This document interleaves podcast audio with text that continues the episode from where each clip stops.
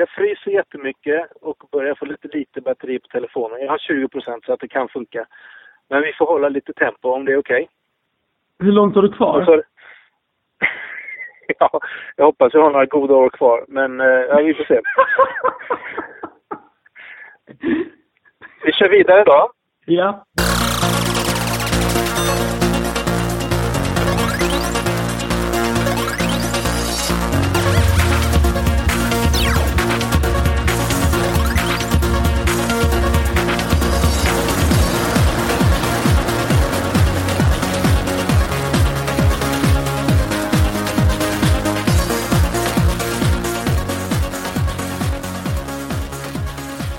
Hjärtligt välkomna till podcasten mellan svart och vitt.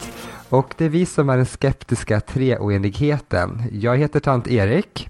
Jag heter Dragan. Och jag heter Thomas. Med fördröjning. Ja, vi fick eh, skjuta lite på inspelningen den här veckan för att du hade ju tappat rösten Erik. Hur, eh, hur är dagsformen? Ja men nu är det bra igen. Eh, Men eh, blir det en hysterisk hostattack så är det mitt fel. Ja, jag är också lite sjuk så att eh, hör ni, man kan egentligen inte veta om det är jag som hostar och du som hostar Erik, men ja. Ja men det kan ju vara bra. Ja, det kanske är bara bra. Ja, om, om det är någon Du då, som Thomas, sitter och darrar på rösten så är det jag för jag sitter ute i... Om det är någon som håller på att darra på rösten så är det jag för att jag sitter i en svinkall bil eh, i djupaste Småland och försöker göra en Fredrik Wik Du är så tapper Thomas. Mm. Ja. Och, Mycket eh, tapper. Ja, vi kast- vi- vi kast- tekniken här. Ja. Vi kastar oss rakt in i aktuella händelser tycker jag. Det gör vi och eh, det har ju varit en händelserik vecka får man ändå säga. Men det är en händelse som har överskuggat alla andra. Semlor. Ja, För vad att gott. eh, i tisdags så var Ja. det fettisdagen och eh, Erik, man har ju kunnat följa din fäbless för detta bakverk på Twitter. Men på den stora dagen var du i semmelfacka Oslo, förstod jag det som. Hur gick det? Fick du tag på någon semla till sist? Nej men det gick inte alls något bra. Eh, det finns ju inga semlor i det landet tydligen. Så jag eh, i min feber som jag dessutom hade tänkte att jag tröstar mig med choklad, vandrar iväg och inser att de tar 30 norska kronor för 200 gram choklad. Det är helt hutlöst dyrt. Mm. Så jag köpte två. och sen gick jag hem och deppade. Ja. Men vad är det som är speciellt med semlor då? Nej men det är bara så gott. Ja, det är så, ja, mandelmassa och grädde och, ja det är bara Är du- så gott. Är du inte rädd för att bli fet? Nej, Men, det, det är nu man ska vara så politiskt korrekt och säga, Men du ska inte vara politiskt korrekt, det passar inte dig. vara för trevligt, vad bra. Nej men alltså jag har ju faktiskt varit lite småfet, jag har gått ner 14 kilo. Så att Wow, någonstans så tycker jag så här att en semla då och då är helt okej. Men jag kan säga så här, för varje semla jag ätit hittills i år så har jag stått och sprungit fem kilometer, jag har sprungit fem kilometer. Så att eh, Okej, vad duktigt. det är tagandet och givandet. En av äldstebröderna i min, eh, min hemförsamling, Oh. han hade en speciell bantningsmetod eh, som gick ut på att eh, han åt ingenting på hela dagen Jaha. och sen avslutade han med en semla. Men, Men- men det kan jag tänka mig funkar jättebra. Men om man är, om man är troende och, och är fet, kan man inte be bort fettet? Alltså Dragan, alltså, jag vill bara säga så här, att, kära lyssnare, att vi har haft lite teknikstrul och Dragan sa att jag ber och om det funkar så kommer jag bli troende. Jag kan säga så här, tar vi oss eftersnacket Mm. på den här tekniken så måste du bli troende Dragan. Ja, men det, det, Då kan det du var be inga bort min fetma Det var också. inga mirakel. Då kan du be bort min fetma. Eh, vi, Ja. kan ta, vi, vi lämnar den diskussionen till eftersnacket. Mm. Ta, Eh, en annan liten, ta, tar du det Thomas, vi kan klippa. okej, en lite mindre händelse den här veckan kanske är att påven har sagt upp sig för att det verkar han ha gjort. Och eh, det är inte det vanliga, det vanligaste att man dör.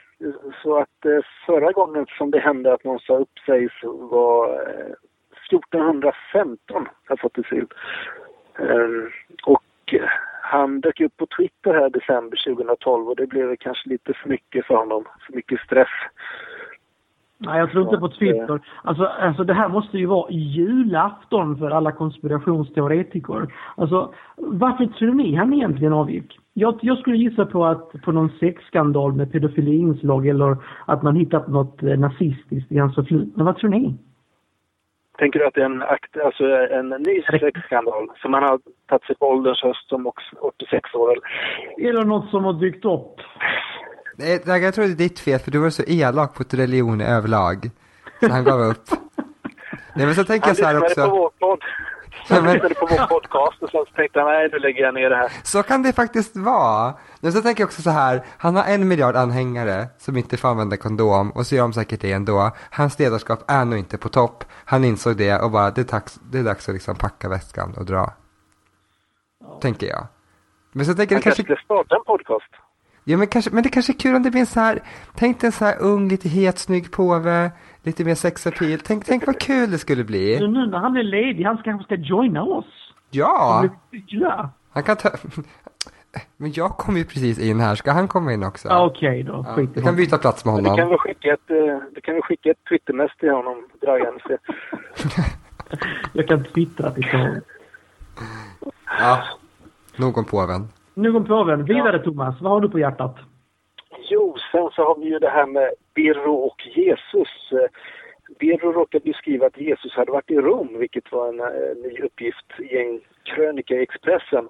Eh, vilket då rättades till under dagen. Men eh, bland annat John Howdy hade hållit sig fram och ta, tagit en liten skärmdump på det där. Mm. Och det var rätt kul tycker jag. För det Mm. var ju en... Ja, vad tycker ni?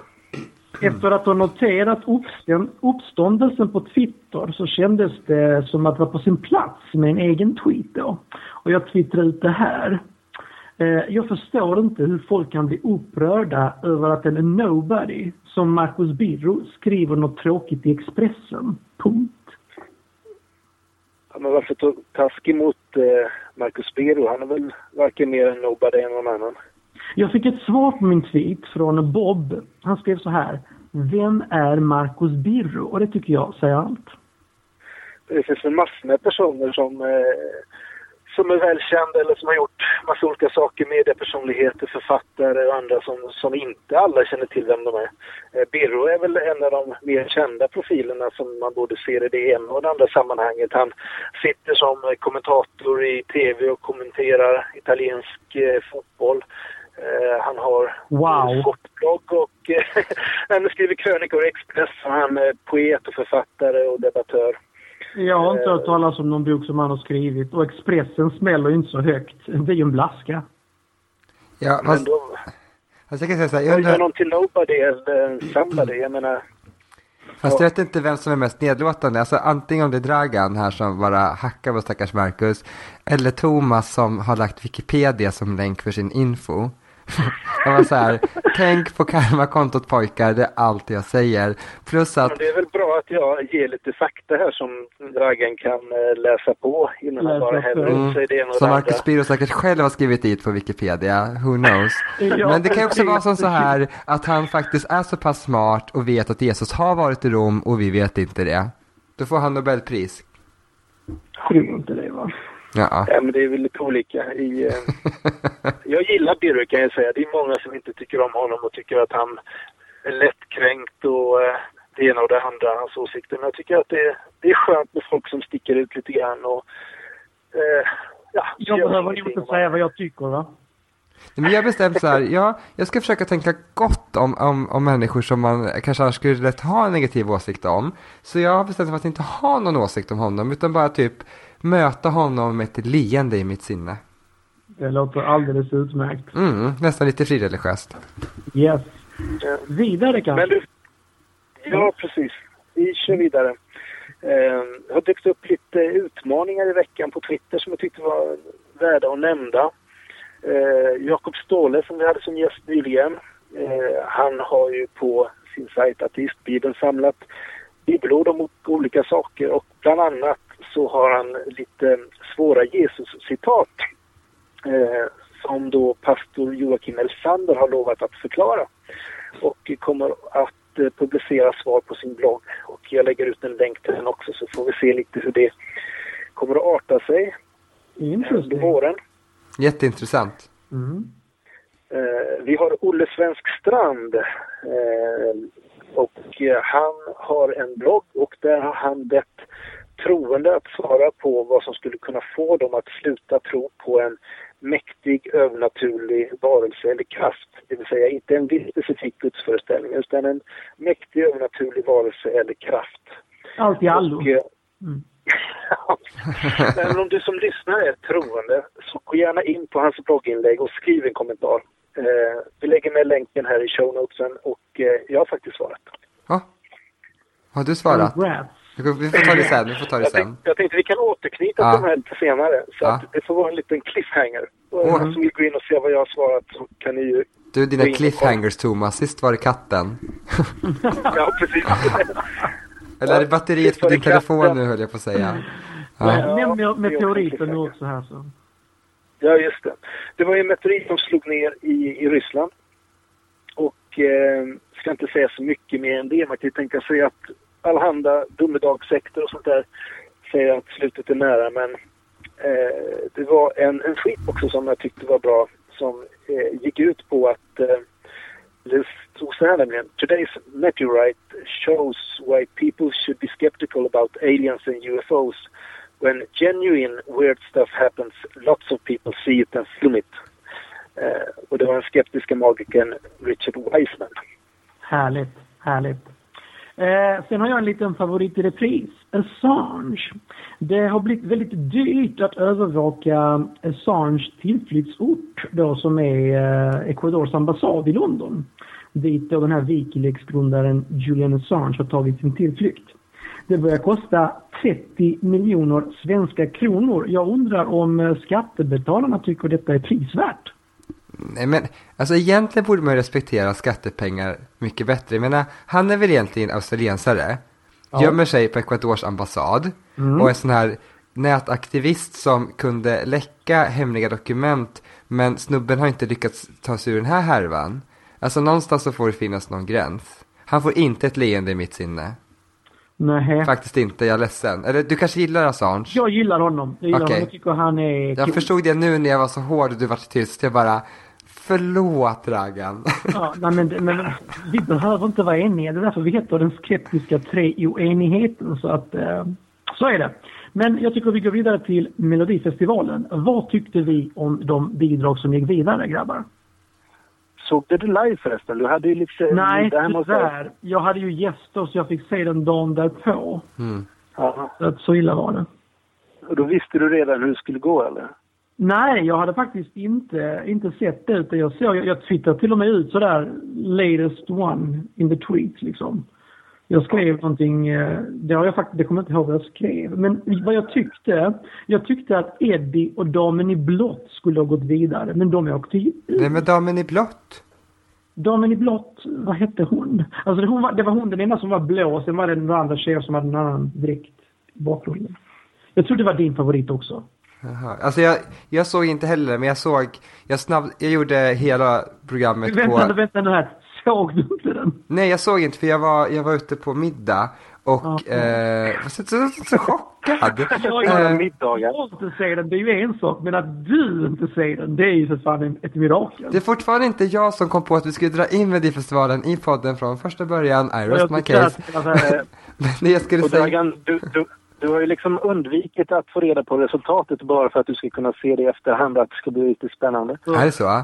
Dina gäster ville inte se Melodifestivalen om man säger så. Jag gjorde avsnittet på, jag gjorde hela programmet på 6 minuter och 32 sekunder, så intresserad var jag. Och, och det var för att jag hade tippat helt fel, fick reda på vilka som gick vidare och bara gav upp. För jag tycker det här är jättemärkligt. Jag tycker det här är jätte, Men då, jättemärkligt. då missade du pausunderhållningen också. Ja, och det, Ja. den verkar skapa rabalder. Ja, det var ju då någon påhittad dansbandsgrupp som hette D6. Jag säger det är så märkligt allting just Ja, alltså nu. här, nu här, här, nu här alltså. Det är de, ändens De skämtar ju mot transsexuella. Oj. Sa liksom, nu ska vi, alltså, det var, det var han den här killen, han var då, han var gay. Och det var tjejen också. Så för att rätta till det här då, då gjorde de könsbyte på varann. Jaha. Ja, och så sjöng han om det liksom. Och det blev ju 15 anmälningar. Herregud. Så, såg du det Thomas? Eh, Jag såg det.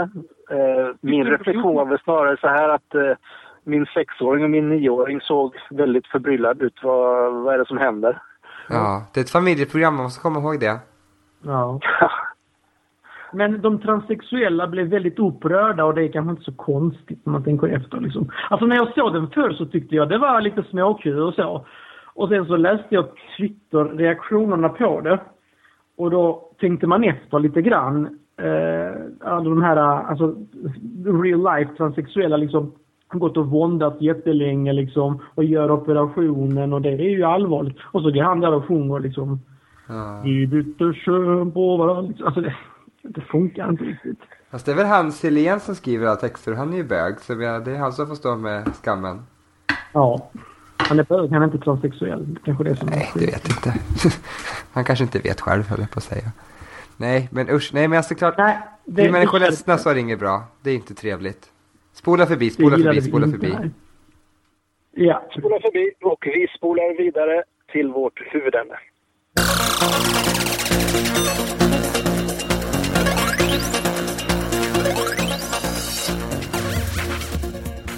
Då så hälsar vi vår gäst idag, Thomas Arendtsen, hjärtligt välkommen till Mellan svart och vitt.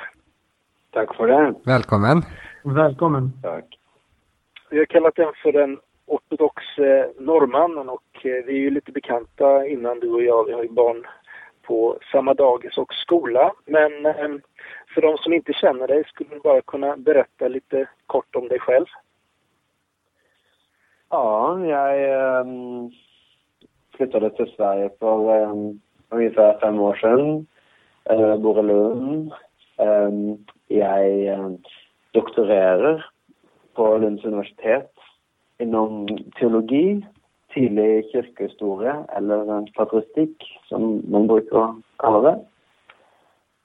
Och ja, um, jag har varit eh, tilhørt den ortodokse kirke i, i mange år. Og, og bor nå som sagt på et lite gods utenfor Lund, hos en greve.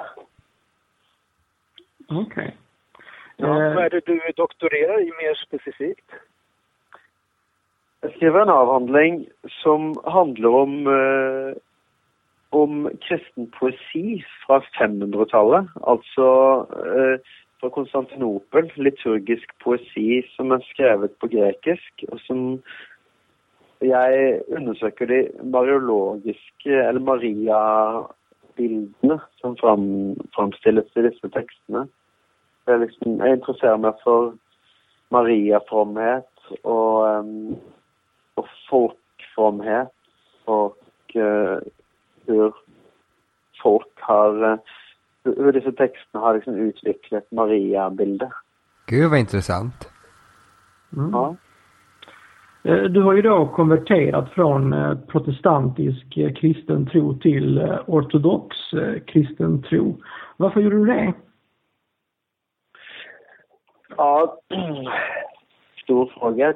Ehm, da jeg var en ung kille, så var jeg aktiv i kristne protestantiske sammanhanget. Och eh, i de sammanhangen som var väldigt pietistiska, eh, lågkyrkliga, så var det viktigt att man skulle säga ja till Jesus och ha Jesus i sitt hjärta.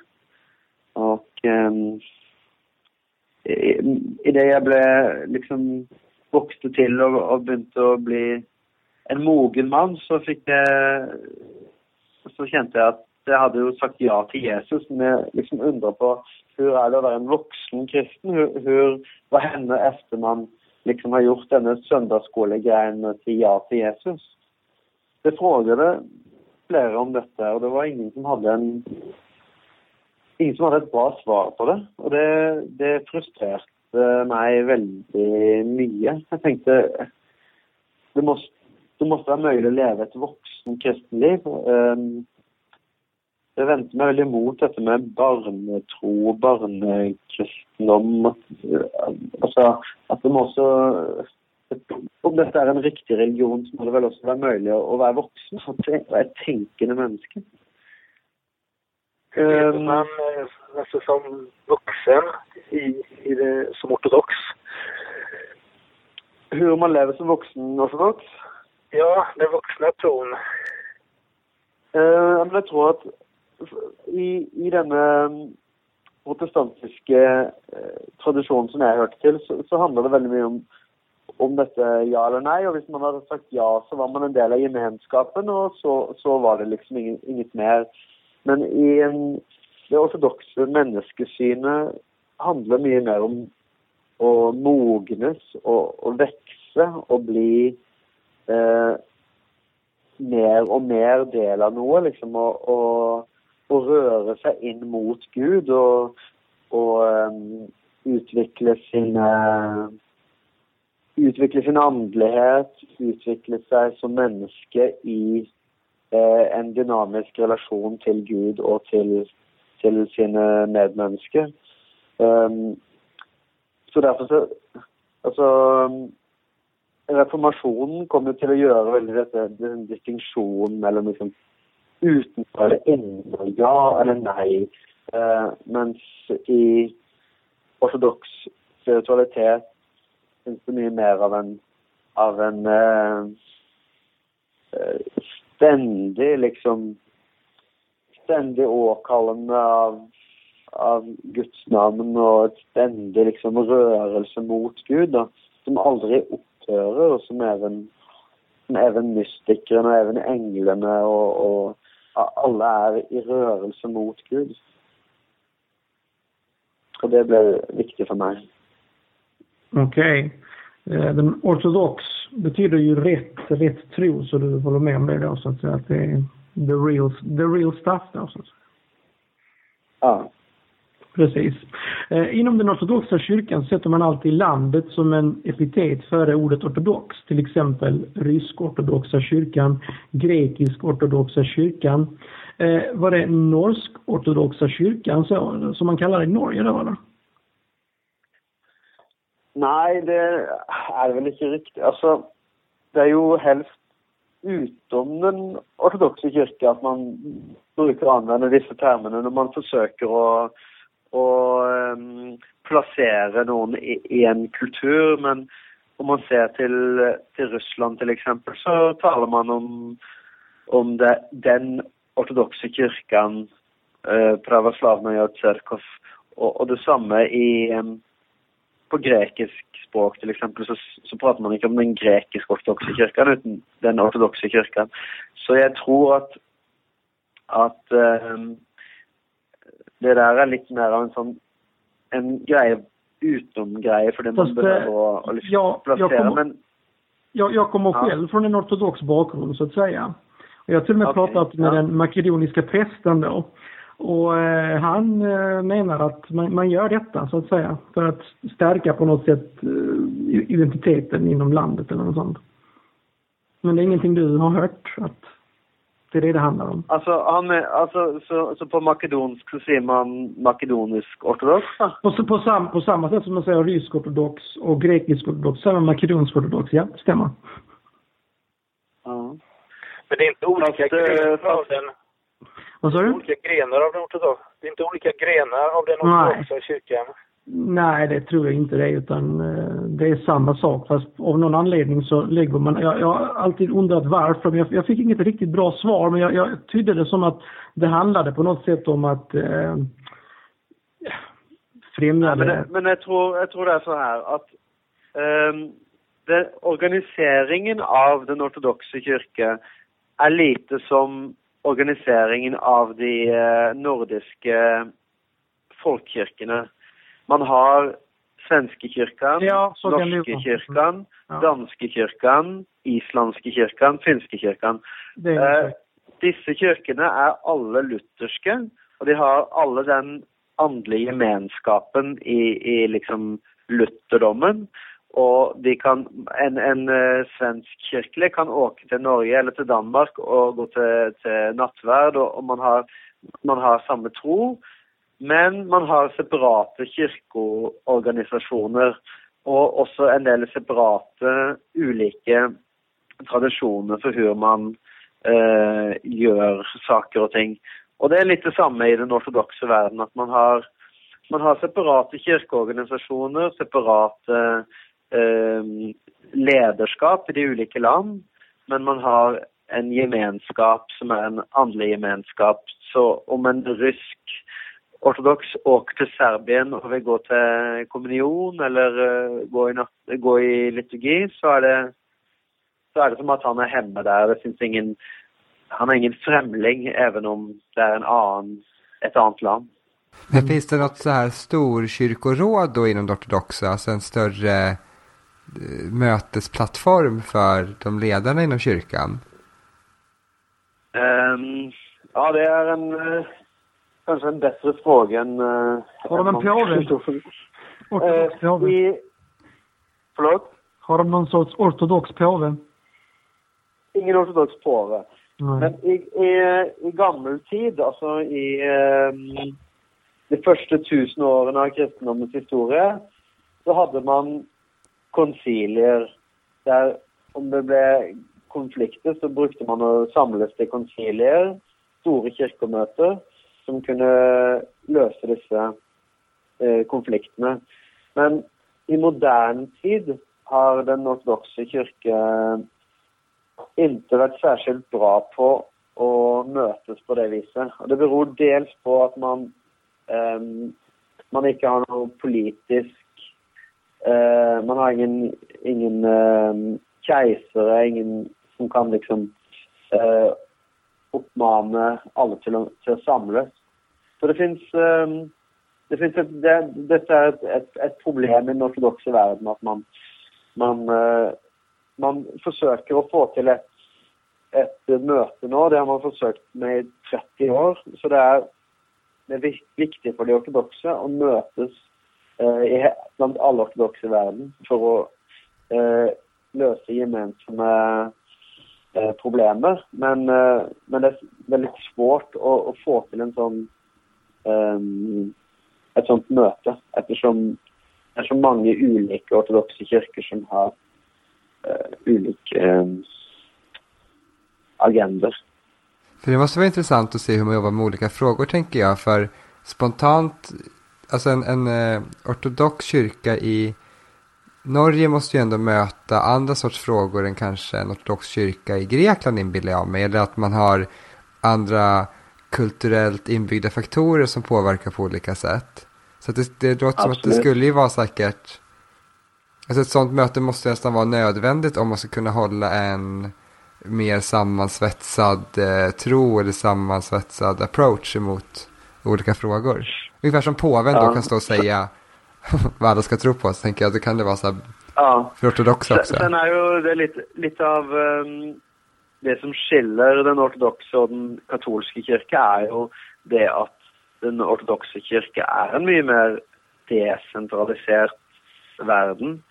Eh, så, så, så man behøver ikke ha samme eh, kirkepolitikk eller samme syn på konflikten i Mellomøsten eller samme syn på liksom prevensjon alle steder. Mm, okej. Men, eh, men det finns ju noen tros, noen sentrale trosfrågor som man er mån om å, å ha gemensamme. Eh, ting som berör det helt, den centrala tron. Och sen är det någon ordningsfrågor som är väldigt viktiga. Och en av de stora ordnings... Eh, eh utmaningen i modern ortodox kristendom är att man har två olika kalendrar. Og det er en av de frågene man virkelig ønsker å løse. For det, det innebærer at, noe, at grekerne f.eks. feirer jul den 25. desember, mens i Russland og Serbien f.eks. så feirer man jul eh, den 6. eller 7. 7 januari. januari. Ja, Det är kanske det. därför är svårt att träffas. Vad sa du Thomas? Det är kanske därför det är så svårt att träffas. Man har olika kalendrar. Du är rolig du. mm. Kanske man kan synka med en iPad eller någonting. Mm. Ja, det verkar inte funka. Men eh, hur är det, vad är det för huvudsakliga skillnader mellan ortodox kristendom och katolsk och protestantisk? Altså um, Det er mange store skillnader, men eh, man kan jo si det som, som vi allerede har vært inne på, så, så har kanskje de ortodokse kirkene eh, en, ytre struktur som ligner mye på de eh, lutherske og anglikanske kirkene. Eh, men når det gjelder spiritualitet og eh, sånn trostradisjon, så ligger de mye nærmere den katolske kirke. Um, både i bibelsyn, i tro på, på vad som händer efter döden, i tro på helgon, um, synen på liturgi och, och eh, nattvärd och Ja. Så, så det Men, men de ortodoxa kyrkorna har annet syn på påvedömet enn uh, den katolske kirke. Og man eh, uh, motsetter seg tanken om at én biskop, altså påven, skal stå over hele den kristne verden. Um, ehm, og især hvis den ene påven, eller den ene biskopen, skal kunne gå inn i de lokale kirkene og og eh, på en måte diktere tro, da. Så det, det er en, liksom en grunn et grunnproblem mellom de ortodokse og de katolske. Så det är ert fel att påven avgick? Kanskje det. Ja. Det kan jo hende. Altså, jeg mener, den, Påven har jo vært interessert i dialog med de ortodokse, altså påve Bendik. Og en måte å gjøre den dialogen mer levende er å, eh, er å gjøre påvens rolle mindre i den eh, katolske kirke. Og det tror jeg påve Bendikt har bidratt til. Jeg tror påve Johannes Paul 2. gjorde påvedømmet til noe veldig betydelsesfullt. Mens påve Benedikt på sett og vis har nedtonet den pådømmet som en sånn personlig karisma. Så mm. hvem vet? Det kan være en del av en strategi, men mm. vet ikke. Men hur, hur upplever du att du, vilka reaktioner får du när du säger att du är just ortodox? Väcker det ordet eh, starkare reaktioner eller liksom har människor en annan syn på det i allmänhet? Alltså, ja, väldigt ofta så väcker det den reaktionen att folk tycker det är jätteintressant, ehm, konstigt och, ehm, och de vet väldigt lite vad det betyder. Men de tycker att det låter ju spännande. På en lite sån... Alltså, jag har upplevt flera gånger att när folk hör att jag är kristen, så blir det sånn Åh, vad tråkig. Eller sånn kristen. Det er jo det verste man kan være. Sen, så når samtalen går litt, så etter hvert så Jeg bruker aldri å si at jeg er ortodoks, men etter en stund, så liksom hvis de får vite at jeg er ortodoks, så blir det sånn Aha, ja, men da er vi kanskje litt interessant i alle fall. Typ, da, er man ikke i hvert fall den tråkige Ja, så du, du, du, nu vet vi, du har alltså blivit ortodox att sticka ut. Det är det det handlar om. Nej. Just det. Men det är ingen Aj, fara, det var därför jag var ett Jehovas vittne för att få sticka ut. Så det är vi, då är vi på samma bana, det är helt lugnt. Okej, jag har en fråga här. Eh, vad är din definition på Gud? Hur ser han det, eller vad det nu är, ut? Jag har ingen definition på Gud. Jag tror eh, det är en av de viktigaste det viktig, en av de viktigaste bidragen i ortodox teologi det er at man sier at vi kan ikke vite noe om Gud. Ingenting mer enn en det som er blitt åpenbart. Eh, um, men at alt språk om Gud er også uh, Må også uh, negeres. Fordi, fordi, Gud aldri kan fanges i våre definisjoner. Så du har ingen, du har ingen, du kan inte säga, definiera dem alls alltså? Nei. Jeg kan, okay. jeg, kan, jeg kan, ikke gi noen definisjon på Gud, alltså. Nej, jag, jag tror inte på Gud så det är svårt för mig att definiera. Men det tycker jag, alltså jag måste säga, det tycker jag är ganska bra svarat. Alltså jag tycker ja. det är väldigt ödmjukt svarat. Får jag bara sticka in det? Det är faktiskt bra. Ja. Ja, det kanske det är. För mig är det konstigt. Jag skulle helst vilja veta liksom, är det liksom, för folk har ju lite olika definitioner. Allt från en gubbe i några moln till liksom att han är i allt liksom. Han finns i, i allt ser och rör och det är liksom- så, jag, jag har hört liksom lite olika. Jag har inte hört det här att man inte kan definiera honom. Det var nog första gången jag hörde det. Men ni andra har hört att... Men alltså det, det, det, finns ju, det finns ju saker och ting man kan säga om Gud. Eh, till exempel finns ju i, i trosbekännelsen att Gud har skapat världen. Um, Gud upprätthåller världen. Gud har um, Gud frälser världen. Uh, så, så, det finns ju ting man kan säga om hur um, Gud relaterar sig till världen. Jo, men att han, har men... skapat, att han har skapat världen är ju en sak, men alltså definitionen, hur ser den ut? Vad är det för någonting? Det är för mig intressant. Men det, det finns ja. ingen sån definition. Nej, där, där har jag ingen svar. Ja, okej. Okay. Jag tänkte innan, du nämnde lite eh, just att, jag tror det var att du sa att eh, Eh, den ortodoxa kyrkan och katolska kyrkan eh, hade en liknande bibelsyn. Vad, vad har man för bibelsyn eller vad har du för bibelsyn?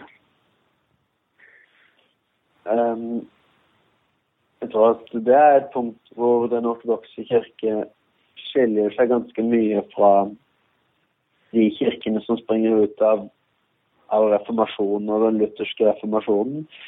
Um, ehm, för med reformationen så tänker man sig ju att Bibeln är grundfundamentet som hela den kristna tro bygger på. Men för de ortodoxa kyrkorna som har sprungit direkt ut av en historisk verklighet, alltså direkt historisk kontinuitet tillbaka till apostlarnas tid, så är Bibeln mycket mer en helig sak, en helig skrift som ingår i vår store tradition.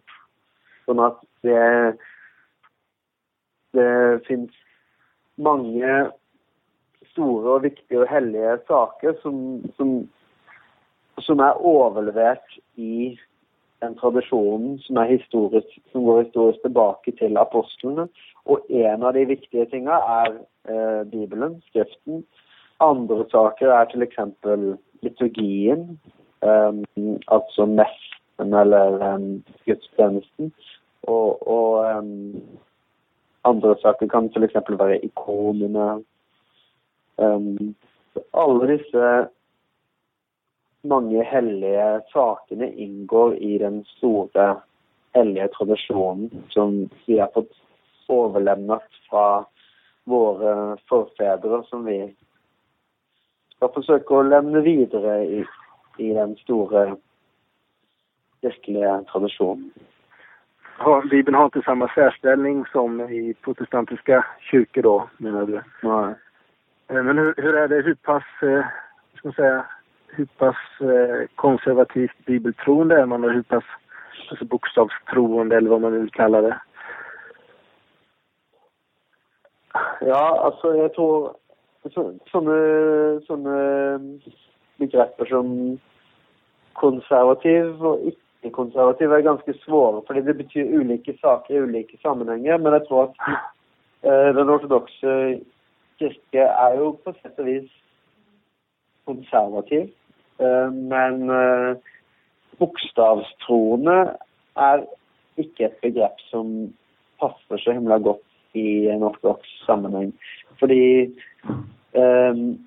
de, de, som är våra lärare, våra mästare, är kyrkofäderna från den tidiga kyrkan och de hade aldrig något sånt eh, fokus på bokstavstro, eh, tolkning av Skriften, uten man skulle eh, lese den andliga meningen i Skriften.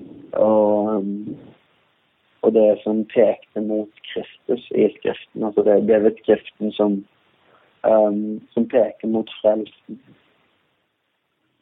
Så, så jag tror uh, Jag tror inte Alltså den formen för bokstavstrohet som har vuxit fram i modern tid i, i väst, den är lite främmande för ortodox tradition. Okej. Okay. Eh, du har nämnt ikonerna vid flera tillfällen här. Vad betyder de för dig? Det betyder um, um, ett, ett hellig, um, en helig spegel eller en, en hellig um, uh, eh, möte. Eh, ett sted hvor, hvor jeg kan be og et sted som De representerer um, De representerer hellige mennesker. Eller de representerer um, um, eh, Kristus eller Maria. Og i møte med disse hellige Ehm, um, gjenstandene så, så, så, oppstår det et møte også med de hellige menneskene som finnes avbildet. Og ehm, og på det, på det, viset så blir det en, et objekt for eh, meditasjon eller, et, eller et, ehm, en åpning for en dialog med noe som er utenfor, utenfor den, den liksom, tid- og romplassen som jeg befinner meg på her og nå. Du nämnde bön här. Har du upplevt några tydliga bönesvar eller under? Um, uh, tja, det tycker jag är svårt. Uh, för mig, för mig är liksom, alltså jag har upplevt konstiga saker i mitt liv som, som många andra har och sånt. Men jag, för mig är väl, är väl liksom det att få barn och det att ha en vacker och flott fru, liksom. Och det att göra till, alltså det, det är sådana grejer. Så jag vet inte. Jag är inte så upptagen av dessa Jeg har også, jeg har også opplevd liksom konstige saker som jeg tenker Oi.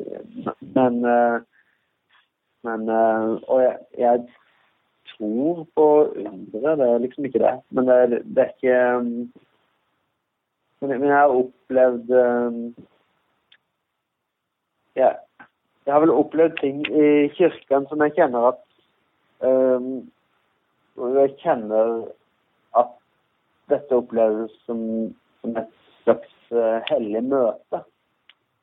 Det er kanskje det viktigste sånn sett. Jeg har opplevd en, en, et lugn og en fred i, i bønnen som kanskje er viktigere enn Jeg bruker aldri å i veldig liten grad i hvert fall å be om, om liksom um, Mercedes-Benz. mm. Jag kanske skulle börja med. Ja, kanske det. Ja. Men alltså, men ber, ber man alltid efter de här färdiga bönerna som finns eller kan man även ha en, så att säga, en personlig, mer privat bön?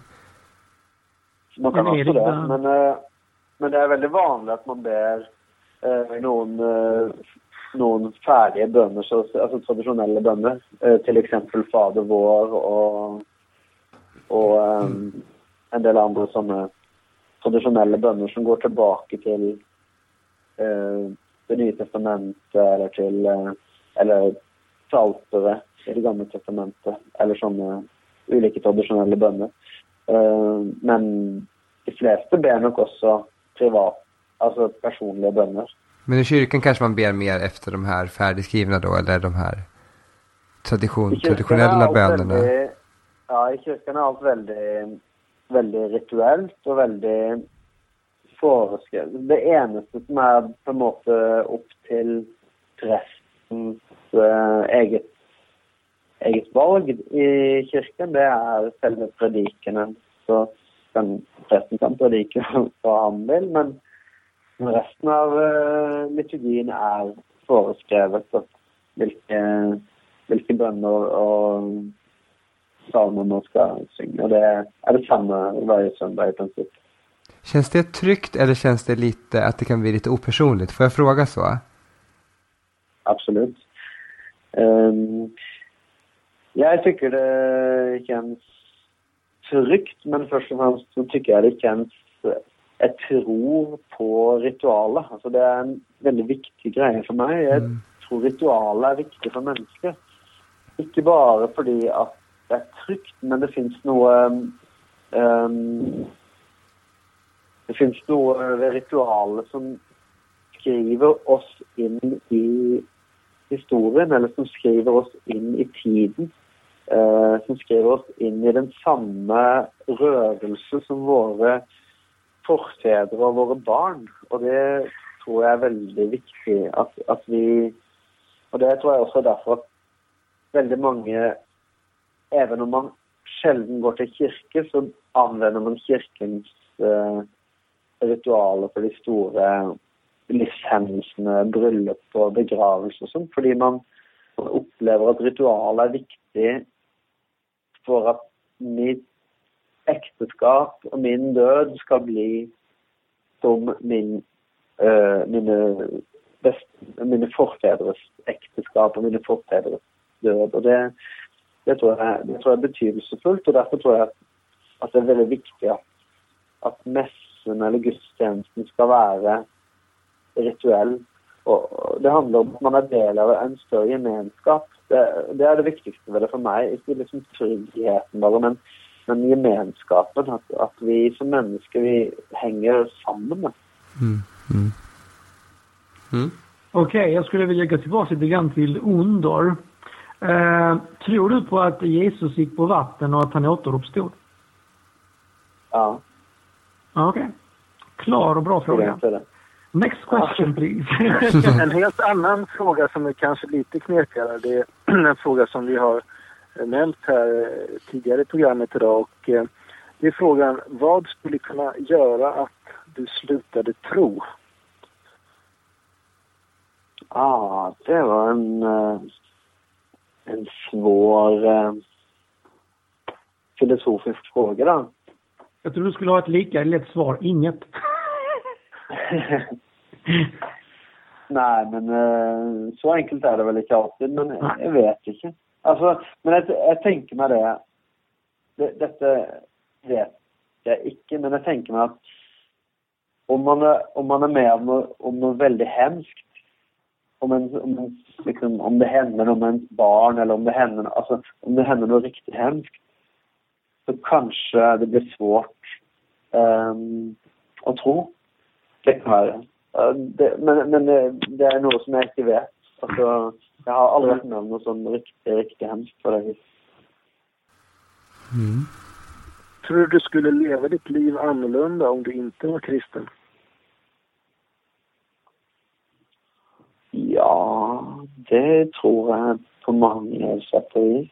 Um, allt från liksom i vardagen så är man ju, alltså Som kristen så jag fastar på kyrkans fastedagar, jag ber med mina barn, och jag går till kyrkan på söndagar och jag um, firar högtiderna, Påsk Altså, men jul feirer jo de fleste, men påsk og pingst og Så mm, absolutt. Men sen er det jo også at man at man um, um, Som kristen så relaterer man sitt liv til det guddommelige.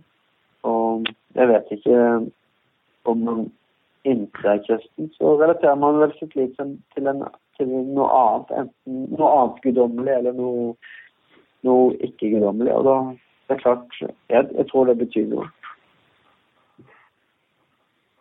Mm. Mm. Du har en fråga från en lyssnare också, Brian. Jaha. Ja, det har jag. Eh, det är då en eh, lyssnare som har ställt en fråga via Twitter. Han heter Karl Axel Hallgren och han undrar Vad är det värsta med lussekoftor? Vad är det värsta med lussekoftor? Mm. Um, De som är så fina. Sant, sant å si så har jeg en lussekofte som har det problemet at varje gang man liksom bøyer seg fram, så, så løsner disse knappene. Det er det verste for meg med den. Men jeg tykker også kanskje at det konstigste med lussekofte er at svensker tror at det er det eneste Eller det er liksom det mest typiske for Norge. Mm. Att vi alla går med lusekort. Fast jag har någonting nytt typiskt för Norge och det är sån här eh, hyggepis. Eller one piece som vi säger i Sverige. Jag ser det inne där. Ja, alltså jag, jag, köpt, är... jag köpte min hygge i Norge och det var för att alla Aha. hade det. Och tydligen så är det... Sån? Ja men tyst nu. Men den jag är faktiskt... det var mest för barnen. Men... Ja, precis. Nej, det är den ultimata uppe i fjällen-dressen. Du har, och sen har du då det här eh, företaget Norröjna, norska, gör ju en slags skidoverall i samma stuk som är så himla coola. Det, så just nu för mig är Norge liksom hyggepis. One piece. Vi är glada att du har hittat dig själv där alltså. Ja. Nej, men vi har, jag har ju liksom, jag har liksom sagt till min fru att jag är glad att vi bor i Sverige så vi slipper den här liksom One Piece eh, liksom maset från våra barn då, men... Eh, jag kommer köra förbi köksfönstret en dag så är det med min hyggepis på. du kan ta en bild så vi kan vara med på med din One Piece. Mm, det blir så fint så. Den bjuder vi på. Mm. Jag tror vi har nått till botten på våra frågor här. Jag vet inte om det är någon som har någon avslutande annan fråga eller om du har någonting Thomas? Nej, alltså jag är ju objektet här så... Ja, precis. Har du lyssnat någonting på vår podcast? Absolut. Jaha. Det har jag. Ja. Kul att höra. Det är klart det. Alltså, jag måste bara säga om ikonerna. Så jag, min, min morfar är eh, grekisk ortodox, eller han var det, han gick tyvärr bort nyligen. Men ha, i hans hem så var det fullt med ikoner och han tände ljus i dem och höll på. Men jag uppfattade alltid det som lite obehagligt. Jag tyckte att det kändes Jaha. lite så mörkt och lite Alltså det som du förklarar nu med att det är som en spegel och att det liksom är en, en slags port för, för det här meditativa och så. Så har jag aldrig upplevt det. Men jag skulle nästan vilja mm efter att du har förklarat det så skulle jag så vilja åka tillbaks dit, eh, det var som liten och bara så här se om man kan se det på ett annat sätt. Men jag har alltid sett det som lite så här tungt och mörkt och lite, ja, lite obehagligt nästan. Jaha. Men uh, vad var det, alltså, hur, uh, hur förhållt han sig till sina ikoner då? Nej, men han var... där eller? Vad sa du, ifall han? Bad han vid sina ikoner eller vad? Ja, så han, han liksom... hade ju, han hade några små för sängen och vid sängbordet. Och sen hade han i hallen hade han en uppsättning och det var där som små skåp då, där han tände små ljus. Och sen varje morgon mm. så gick han med eh, så här, rökelse genom lägenheten. Eh, ja. Och eh, det var liksom små, små ikoner lite här och var men han var ju väldigt eh, ska man säga, han, han var mycket i, i klostren och bad och bad extra böner och väldigt delaktig så. Så det fanns en väldigt mm. stark tro, alltså stark tro, just ritualmässigt, han var väldigt fäst vid ritualerna. Ah. Men jag förstod aldrig vad det gick ut på. Så, att, det, var det är kanske därför. Jag tycker jag... det låter jätte, jättefint då, men, eh, men det är klart om man, om man liksom inte fattar vad det, vad det betyder så kanske det bara är äh, förvirrande. Då. Men, äh, men jag har ju många ikoner i mitt hem och jag har ikoner av äh, mitt namnhelgon och jag har ikoner av mina barns namnhelgon och jag har ikoner av Kristus och Maria, ikoner av... Har du några vanliga tavlor då? Har du någon vanlig tavla eller allting är bara ikoner hela lägen, eller huset? Nej, jag har många, så många vanliga tavlor. Eh, absolut. Du får, eh, du får berätta någon gång om jag, eh, när jag är ute hos dig, lite vad det är för några. Ja, absolut. Eh, jag vill också ha en ikon av mig själv, känner jag nu. Det finns ingen ja, sån ikon. Den... Sankt Erik måste finnas. Ja, det finns ju en Sankt Erik. Eh, han är ju ett katolsk helgon, men... Eh, ja, men en Konstantin då? Konstantinos? Det finns väl? Definitivt. Var det nära Erik? Sankt Erik, Sankt Erik är väl Sveriges skyddshelgon, va? Inte det? Ja. Jo, fast... Eh, fast han levde ju en tid då den katolska och den ortodoxa kyrkan hade separerat. Så han, han hørte jo til den, den, den katolske verden. Okay. Jag får bli påve istället här, ja. Det blir trevligt. Ja, det kan det ju bli. Ja, tant Erik för påve. Det tycker jag är en fin kampanj. Ja, men vi eh, tackar så mycket för det. Nu har vi... Tusen tack. Tack så mycket Ja, Thomas. Jättebra. Ja, det var det jättetrevligt att prata med dig. Ja, Lycka till vidare med podcasten. Tack. Jajamän. Tack så mycket. tackar. Och du får lyssna Okej. vidare. Hej. Absolut, Hej. så ska jag göra.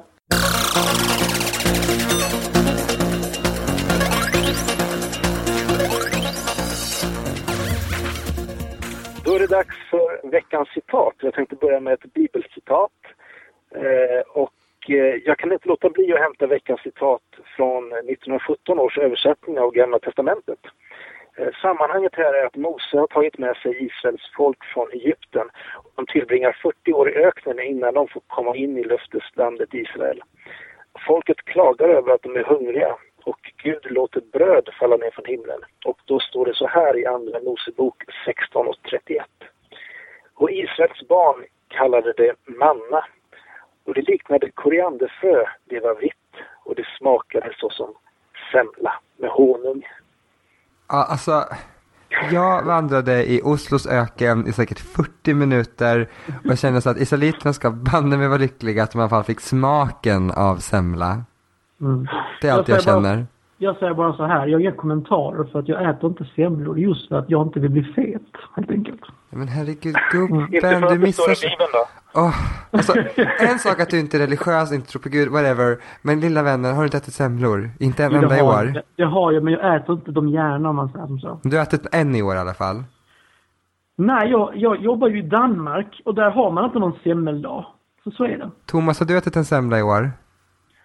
Ja, jag tror jag ätit två eller nej, tre kan jag ätit. Men fler ska det bli tänkte jag. Mm. Jag kanske passerar där. Lund Malmö inom två veckor. Jag tar med en semla till Dragan, en till dig Thomas. Okej. Mm. Det Ja, kallas för om- du kommer medmänsklighet med och kärlek. Om du kommer med en semla, Erik, Ja. så äter jag den. Det lovar jag dig. Ja, ah, vad bra. Det tycker jag om. Mm. Härligt. Då går vi vidare till ateist-citatet och det lyder så här. Jag tenderar att känna att en gud som kan vara så hemsk att han förbannar en själ för all evighet inte kan litas på i något avseende. Och det var då Raymond Smullian som sa detta 5000 år before Christ. Nej, men jag håller helt med.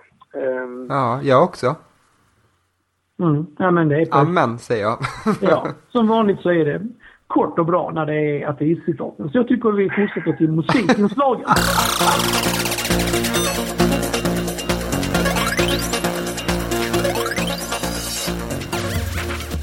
Och eh, återigen så ska jag dra fram min stora skatt av Bosse-låtar. Eh, och här kommer en visa som jag tror är från 70 någonting. Eh, och eh, eh, ska jag säga. Vi kör helt enkelt. Eh, spelade in den här för några dagar sedan. Kick it. Älska din nästa som dig själv finns en mening i Bibeln som lyder Ofta citerad fast ingen vet väl riktigt vad den betyder det är det främsta budet och det är rätt intressant att långt, långt före Kristus sa fariséerna likadant så vad var det nya med kristendomen? Vad var det för särskilt med kristendomen? Vad var det som gjorde att Guds son offrade sitt liv? Da, da, da, da, da, da, da, da, da, da, da. Alla dina ägodelar, de måste du försaka. Det du vill någon ska göra mot dig, det ska du göra tillbaka.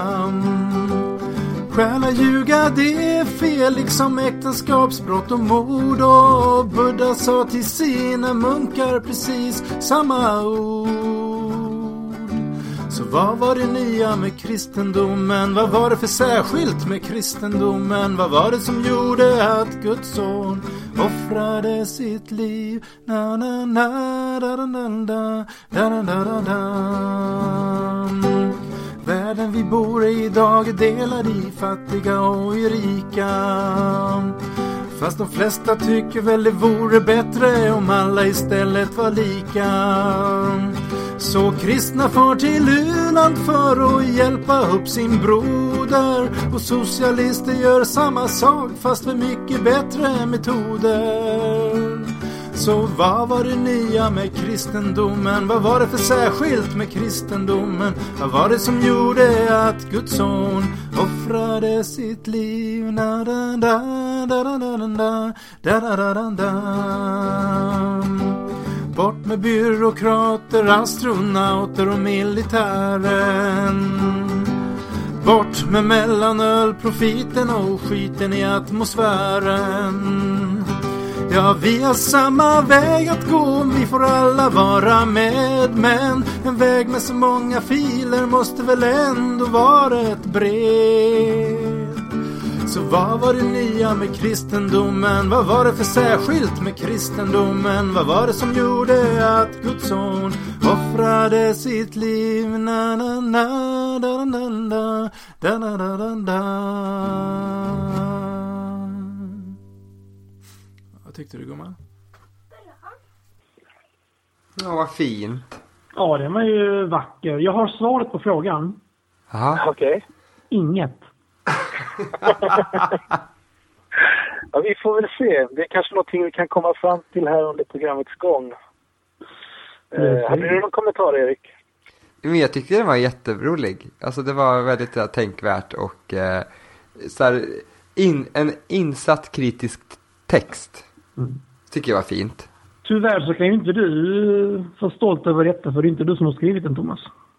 Nej, det är ju aldrig jag som skriver låtarna. Eh, Men eh, det kanske blir ändring på det i framtiden. Du får skriva någonting själv tycker jag. Och det är lite anknytning här till förra avsnittet när vi pratade just om det här älska din nästa som dig själv. Att eh, det var ju någonting som hade, som fanns i Gamla Testamentet också. Men, eh, det var ju ingenting nytt egentligen för eh, de kristna. Det fanns ju i den judiska traditionen och eh, även de här andra bitarna som, som är med i den här visan med att, eh, att man ska dela med sig och eh, sjunga mer ja, men, med, med sociala eh, sociala hjälpinsatser och så vidare. Eh, det var inte där, därför som Jesus behövde dö på korset, utan varför var det egentligen? Vilket är en väldigt bra fråga. Eh, det får bli en cliffhanger. Det Till, får bli det var bra. Ja. Nu har vi ju glidit in till eftersnack. Då tycker jag vi reflekterar lite grann kring intervjun. Vad tyckte ni grabbar? Nej, men jag är helt fascinerad. Alltså, jag, jag tyckte om att han var så här lugn och pedagogisk när han förklarade. Alltså han skulle kunna få mig ortodox. Utan du, props. Du är så lättlurad Erik. Alltså, Nej, jag är inte lättlurad, men jag är lättpåverkad av känslostämningen. Alltså, är han var så här lugn och, och alltså han verkligen förklarade och så kände man så att, men jag tyckte om hans svar. Vad var det ni frågade? Har du upp, upplevt, nej vänta. Eh, vilken, vilken fråga var det jag tyckte var så bra? Som han svarade? Det var en bra Jo, fråga. vad är definition på Gud? Så var det. Och han bara, ja men jag kan inte definiera Gud. Jag tyckte det var så ödmjukt och bra. Alltså det fattar inte jag. Nej men jag tyckte det var bra det. svarat. Nej. Han försökte inte ens. Är inte det lite strongt? Men för mig är det Det helt skulle- obegripligt. Men skulle du frågat en, en muslim också så skulle du få ett liknande svar. Eh, Varför gjorde du inte det? Du hade- väldigt- Du hade chans två gånger. Vi frågar nästa gång, vi Ja, frågar nästa kan gång Dragan. gång. Nej men, men just det, och även i den judiska traditionen, det är väldigt mycket det här att, att Gud, eh, han får man inte avbilda och det går inte och han är större än vårt förstånd. Eh, inom judendomen får man inte ens nämna hans namn. För mig är det så Eh, spooky så det är inte sant. Ja, men det är som med festivalen ju mer dansare, krimskrams och wailande desto sämre sång. Ju mer förklaringar till vem Gud är, desto mer påhittad religion. Yeah right. Erik, du har ju lyssnat på albumet va?